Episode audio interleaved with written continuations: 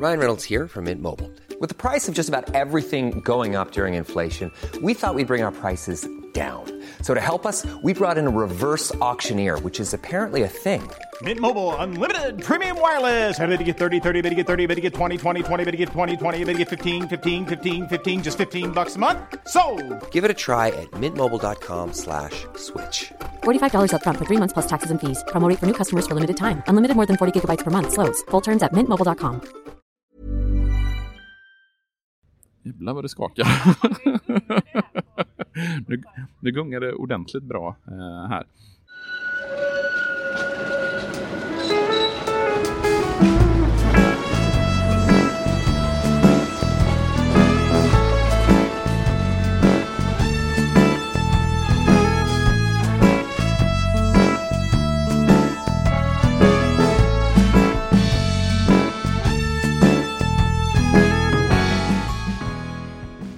Och välkomna till podden Gator och torg i Göteborg som görs av lokaltidningen Göteborg Direkt. Idag är jag med, Lina Isaksson, och jag är också reporter på tidningen.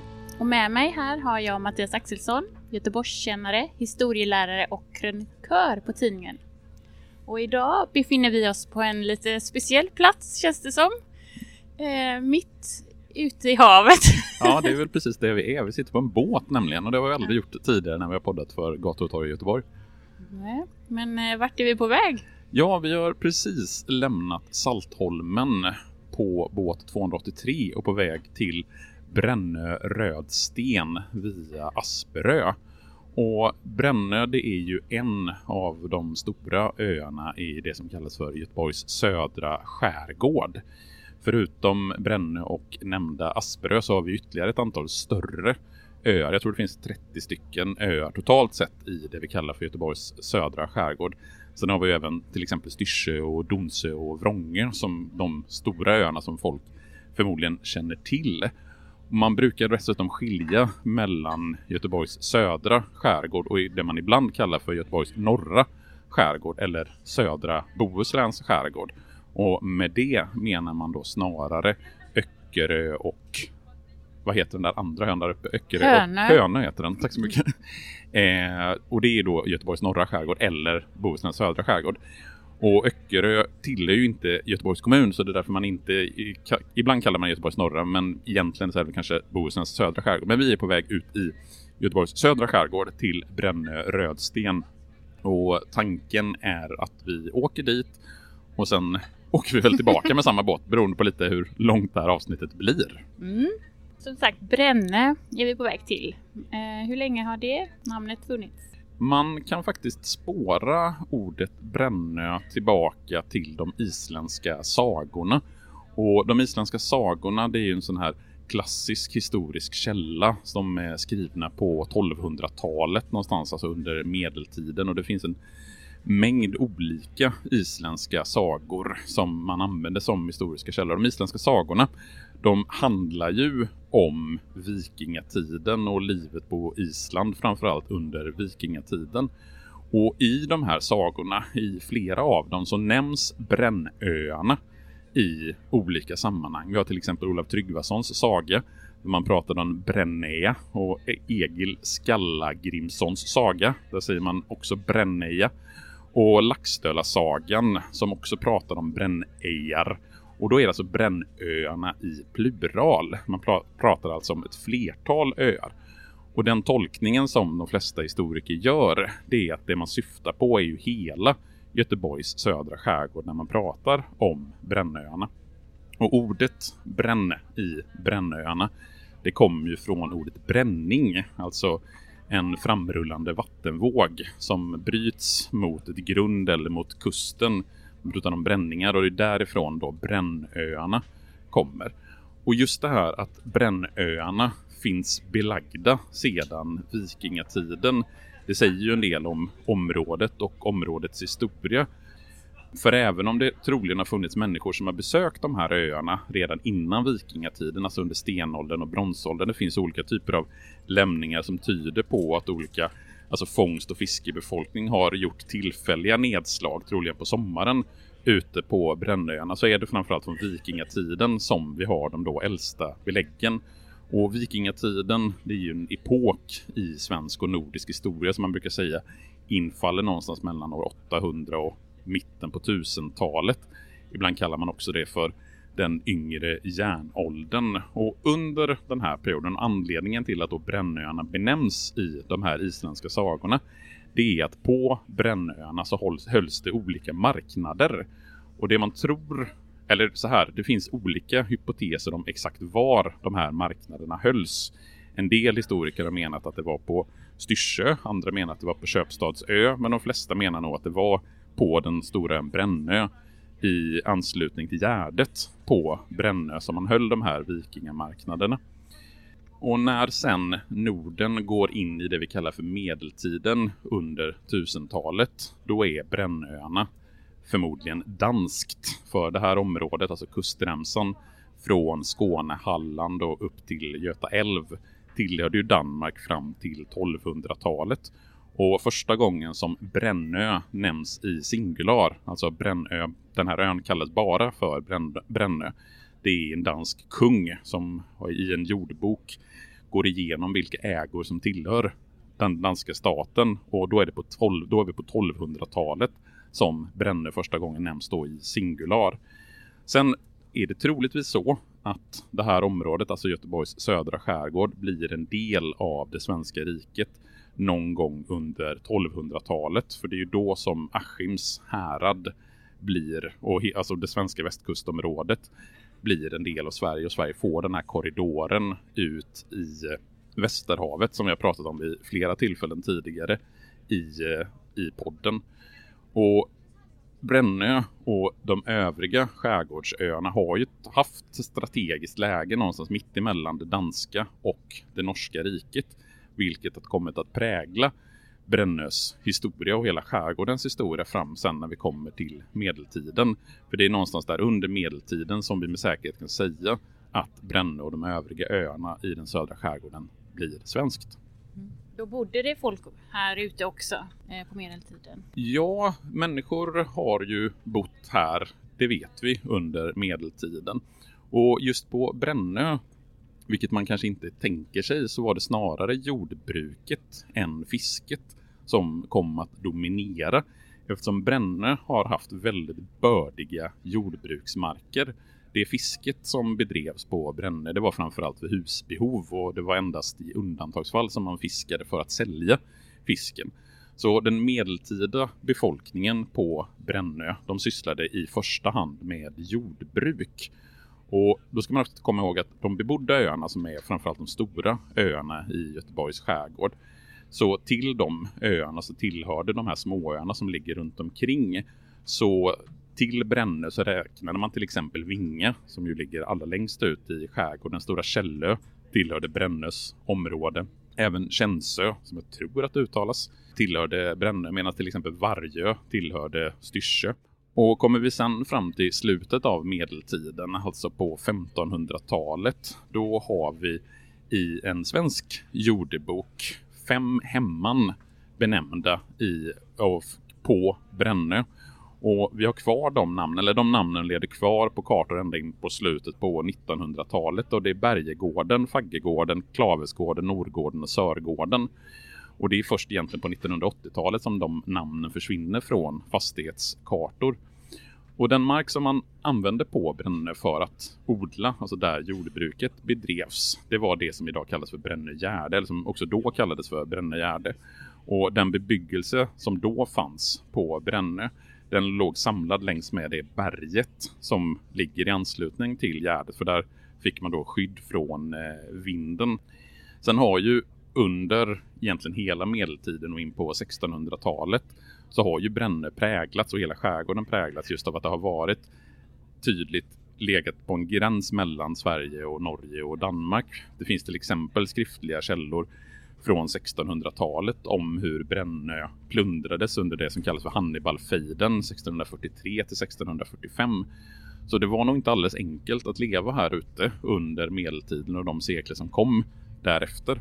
Jag tänker att eh, fisket måste väl ändå haft en viss betydelse här ute? Ja, det är framförallt de andra öarna. Brännö präglas inte jättemycket av fiske, men den övriga De här övriga skärgårdsöarna här i södra skärgården präglas ju och då är det framförallt sillfisket som man skulle behöva nämna. Och i min sista krönika för den här säsongen i Göteborg Direkt så skrev jag ju, den kom ju här för några veckor sedan, så skrev jag just om sillfiskets betydelse för Göteborg som, som stad. Och jag tror inte man nog kan underskatta vilken betydelse sillfisket har haft genom historien för den göteborgska ekonomin. Och då har vi haft ett antal som man kallar sillperioder då sillen har gått till. För sillen är ju en fisk som är lite oberäknelig. Man vet inte riktigt när den kommer och när den går och när den väl kommer och går till så kan det finnas jättemycket sill men sen när den försvinner då är den i princip helt borta. Och vi har en sillperiod då i mitten på 1500-talet och då etableras det tillfälliga boenden i anslutning till det här sillfiskeriet bland annat i Brännholmsviken på Styrsö och där kan man fortfarande se spår av den tillfälliga bosätt eller de tillfälliga bosättningarna i samband med den sillperioden. Och det är inte omöjligt eller otroligt att Gustav Vasa som var regent vid den här tiden uppmuntrar folk att etablera sig här ute i skärgården. Eh, och den uppmuntran kan ju bestått till exempel i att man fick betala mindre i skatt. Och det är ju framförallt då för att kunna förse de eh, befästningar som vi har i Göta älvs inlopp, till exempel vid Älvsborgs slott och vid Klippan med fisk som ju är en bra förnödenhet, alltså en bra mat att äta. Sen har vi ju den stora sillperioden i Göteborgs historia. Det är ju andra halvan av 1700-talet och en bit in på 1800-talet. Och den sillen gick ju till först i den norra skärgården, i Bohusläns södra skärgård kring, kring Öckerö. Och det är först på 1760-talet som sillen går ner hit till den södra skärgården. Men då får vi sillsalterier och trankokerier både på Vargö och på Styrsö och på Köpstadsö bland annat. Men sen så försvinner ju den sillen lika hastigt som den kom i början på 1800-talet. Så då får, har inte sillen alls den betydelsen längre. Förutom jordbruk och fiske så måste det väl ha varit lite speciellt att bo på en ö? Ja, den här delen av Göteborg som inte blev en del av Göteborg förrän 1974 då Styrsö socken som en av de sista delarna inkorporerades med Göteborgs kommun har ju liksom alltid präglats just av att det är öar. För öar ligger ju liksom definitionsmässigt ute i havet och då är det ju båttrafik och båtar har ju en jättestor betydelse för öarna. Det märker man ju fortfarande på att enda sättet för oss att ta oss ut hit till Brännö det är ju med båt. Vi kan inte ta oss till Brännö eller Styrsö på något annat sätt med, än att eh, ta oss med båt hit. Och fartygs och skeppstrafiken här har ju varit intensiv egentligen genom hela historien. Och därför så har ju Brännö alltid varit ett centrum för det vi kallar för lotsar. Då andra byar i Sverige skulle hålla sig med indelta soldater eller med båtsmän så hade Brännö på sig att de skulle hålla sig med lots. Och om man går till den högsta punkten på Brännö som kommer, då kommer vi 47 meter över havet. Ställer man sig där uppe, det går fortfarande att gå upp och titta där, då får man en ganska rejäl, om det är fint väder, så har du en panoramavy över hela skärgården. Du ser från Vinga fyr mot den norra skärgården via hamninloppet och i en cirkel så kan du gå vidare bort mot Donsö och Vrånge. Så det är ju en bra plats att stå och ha utkik. För det som Brännö-lotsarna framförallt tävlade mot det var lotsarna på Vrångö. Men man hade även konkurrens från lotsar på Hönö och på Rörö. Och även om kungen 1697 beslutade att Brännö skulle ha förtur på alla fartyg som kom från väster och Vrångö skulle ta hand om de fartyg som kom från söder så var det ändå en liksom, kamp mellan de olika lotsarna vem som skulle komma först ut ur de här fartygen och lotsa dem in i hamnen.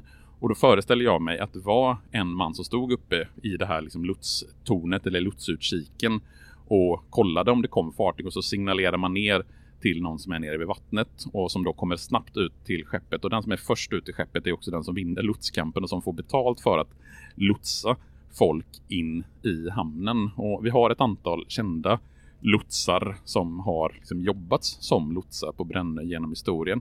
Och den som är mest känd, eller kanske till och med ökänd, det är Kasper Mathisen som var lots på Brännö på 1700-talet. Och han är den som har fått skulden för att Ostindiefararen Göteborg 1745 gick på grund när, man, när skeppet skulle ta sig in i Göteborgs hamn. Och då hade skeppet varit ute i 30 månader och rest hela vägen bort till Kina.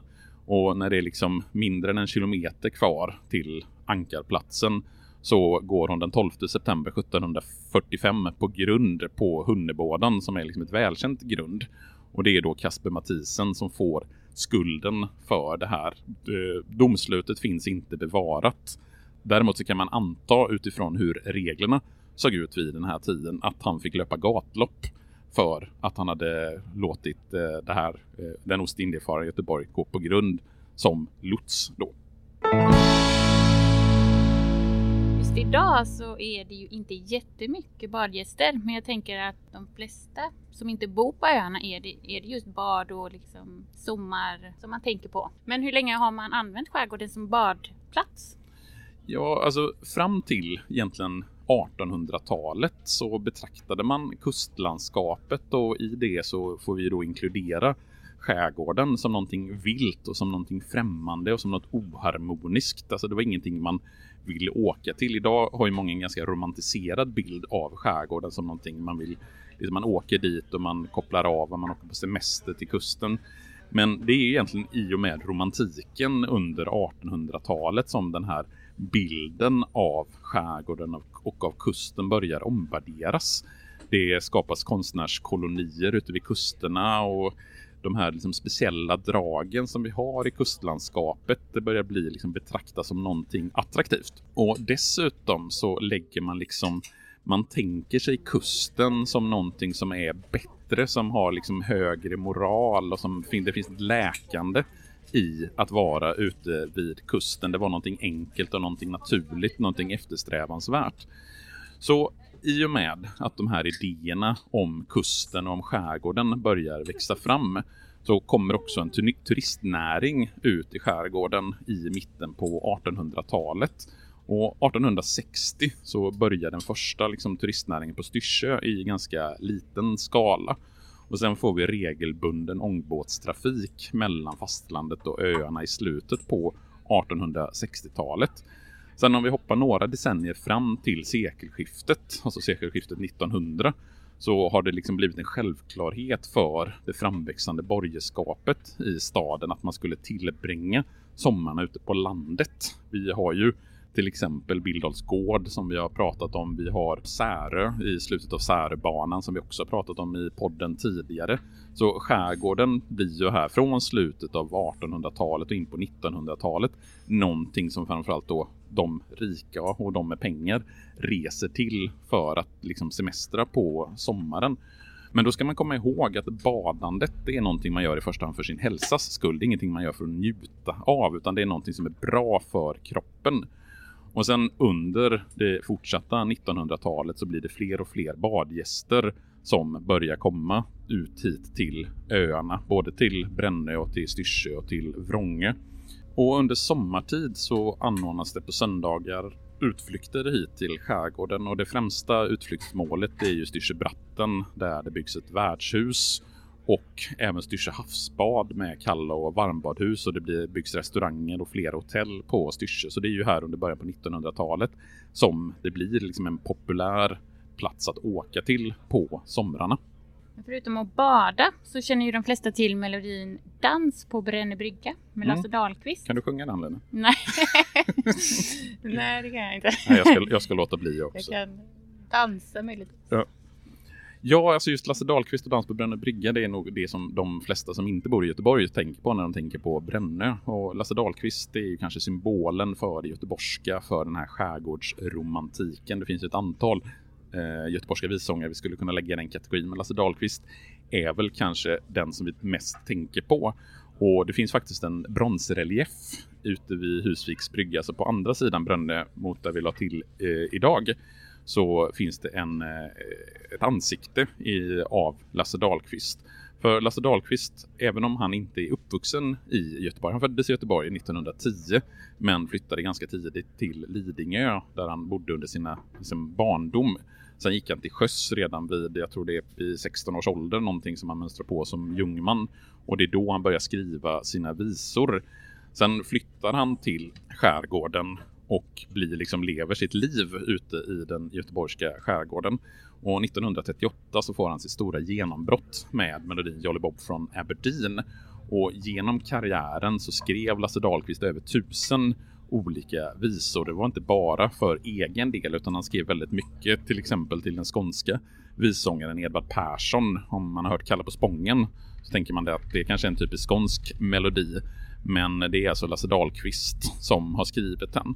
Och Dans på Brännebrygga, eller det är Dans på Brännebrygga som den egentligen heter, den skrev han 1941 och är väl kanske den melodin som vi framförallt förknippar med Lasse Dahlqvist. Och den brygga som han sjunger om i Det dans på Brännö brygga. Den finns ju inte kvar, alltså den ångbåtsbryggan som han sjöng om där på 40-talet. Jag tror att det är någonstans på 60-talet som den plockas bort. Men det kapitaliserade ju den gode Lasse Dahlqvist på genom att under turnéer så hade han med sig träbitar från den här bryggan som han signerade och sålde på sina turnéer. Och det är ett smart sätt att kapitalisera på en gammal ångbåtsbrygga som han skrev en melodi om på 1940-talet. Och den här bryggan den är ju ersatt då sedan länge, mitten på 1900-talet. Så den bryggan som man dansar vid idag när det är dans på Brännö brygga, det är alltså inte samma brygga som Lasse Dahlqvist skrev om på 1940-talet. Vi har, ju, vi har ju redan pratat lite om Styrsö, men eh, har du något mer att berätta om denna ö? Ja, jag tänker vi kan ju dra de andra öarna, alltså de stora öarna lite snabbt i alla fall. Även om det är Brännö som är huvudfokus för det här avsnittet så har vi ju Alltså grovt beskrivet och jag vet inte exakt var jag tog den här informationen ifrån men det är ett citat som jag hittade någonstans att grovt beskrivet så bodde societeten på Styrsö, redarna på Donsö och lotsarna och lantisarna på Brännö. Och tittar man på liksom olika saker utifrån olika aspekter, dels hur folk röstar på de olika öarna och även inkomster och liknande, så ser man ju att det finns ganska tydliga skillnader mellan, alltså mellan Brännö och Styrsö och Donsö och Asperö och Vrångö. Så att det är liksom ingen homogen befolkning ute här i skärgården. Men om vi tittar liksom på de stora öarna och bara nämner dem kort så har vi då Styrsö som väl är den största ön i alla fall befolkningsmässigt. Och namnet Styrsö kommer ju ifrån att man på Stora Rös som är den högsta punkten i skärgården kunde ha, man kunde ha det som ett riktmärke, alltså någonting man styr mot. Så därav namnet Styrsö. Och på Styrsö så vet vi att det har funnits en bofast befolkning sedan 1500-talet åtminstone. Och det är också på Styrsö som den första kyrkan byggs. Och det är därmed, även om Brännö är den största ön så är det Styrsö som får kyrka. Och det är därmed också där alltså Styrsö som ger namnet till socknen. Styrsö socken, eftersom eh, socken är någonting där folk gemensamt söker sig till en kyrka. Och den församlingen som bildas i anslutning till Styrsö, den bildas redan 1603. Och då blir man, liksom går man ifrån Västra Frölunda församling och den stenkyrka som finns på Styrsö byggdes redan i mitten på 1750-talet. Om vi sedan tittar på Donsö så kommer namnet Donsö av eh, att eh, det på ön växte dun, eller växer dun, alltså en form av ängsull som är vanligt förekommande då, alltså Dunsö, don som har blivit Donsö. Och Donsö det är ju en ö som väldigt tydligt har påverkats av den väckelsevåg som drogs fram i Sverige under 1800-talet. Alltså den eh, frikyrkorörelse som utmanade den etablerade kristendomen i Sverige. Och 1875 så grundas Donsö missionsförsamling. Och tittar man återigen då på valresultaten ifrån senaste riksdagsvalet så sticker ju Donsö ut på det sättet att det är en väldigt stor grupp som röstar på Kristdemokraterna ute på Donsö. Så fortsatt så präglas ju ön Donsö av den här frikyrkligheten som har funnits egentligen från 1800-talet. Och den sista av de stora öarna i skärgården det är ju Vrångö som ligger längst söderut av de stora öarna i södra skärgården. Och namnet Vrångö, eller förleden Vrång, den kommer av en gammal beteckning för krokig och buktad. Eftersom man tittar på en karta på Vrångö så ser man att den nedre delen, den södra delen av ön är lite vriden, alltså lite vrång och därmed så heter den Vrångö, eller så kallar man ön för Vrångö, eller den heter Vrångö. Ehm, nu har vi pratat om eh, historien kring öarna, men hur ser framtiden ut? Ja, när man läser olika artiklar artiklar och utredningar om skärgården och skärgårdens framtid. Så jag slås i alla fall om att det är lite dubbla budskap. För å ena sidan så finns det ganska mycket rapporter och artiklar om att det är liksom en avfolkningsbygd. Att det är ett område, eller ett av de områden i Göteborg där befolkningen är allra äldst. Och när befolkningen är gammal och man inte har ett tillflöde av nyinflyttade eller nyfödda så kommer ju befolkningen successivt att försvinna.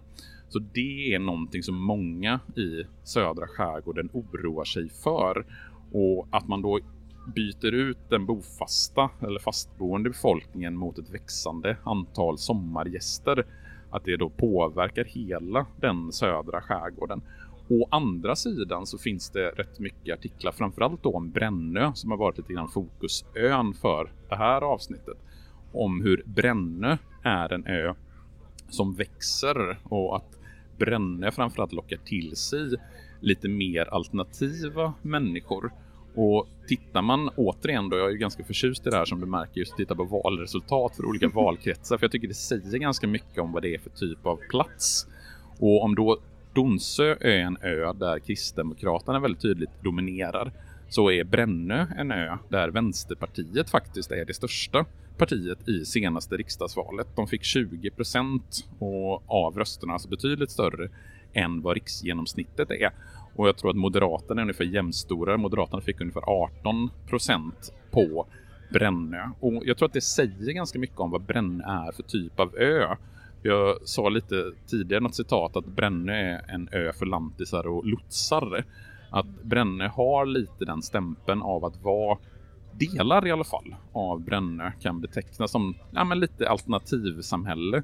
Att det finns en del kollektivboende ute på Brännö som mer står för den här man ska säga, gröna vågen eller den här liksom mer alternativa livsstilen. Så att tittar man på framtiden för den södra skärgården och för de öarna som finns här ute, givetvis kommer det fortsätta vara en alltså, magnet på sommaren för oss fastlandsboende göteborgare som åker ut hit och badar.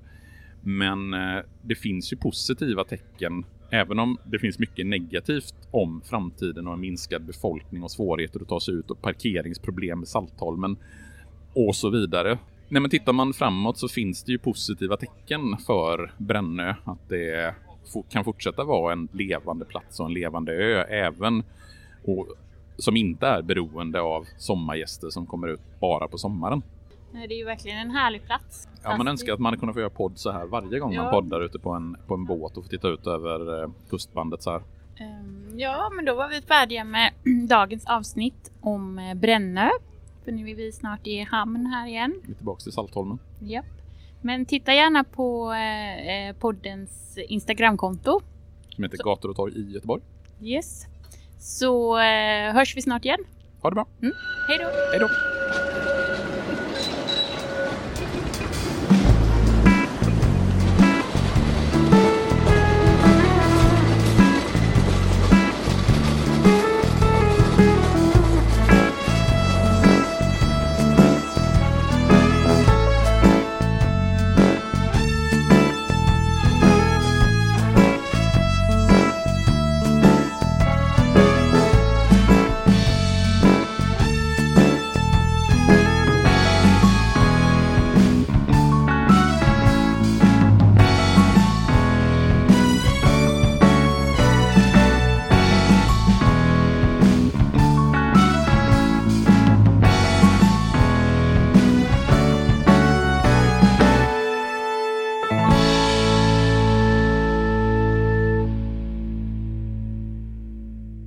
Gator och torg i Göteborg produceras av Reostat Media AB. Hi, I'm Daniel, founder of Pretty Litter. Did you know cats tend to hide symptoms of sickness and pain? I learned this the hard way after losing my cat, Gingy. So I created Pretty Litter, a health monitoring litter that helps detect early signs of illness by changing colors, saving you money and potentially your cat's life. Pretty Litter is veterinarian developed, and it's the easiest way to keep tabs on your fur baby's health right at home. Go to prettylitter.com and use code ACAST for 20% off your first order and a free cat toy. Terms and conditions apply. See site for details.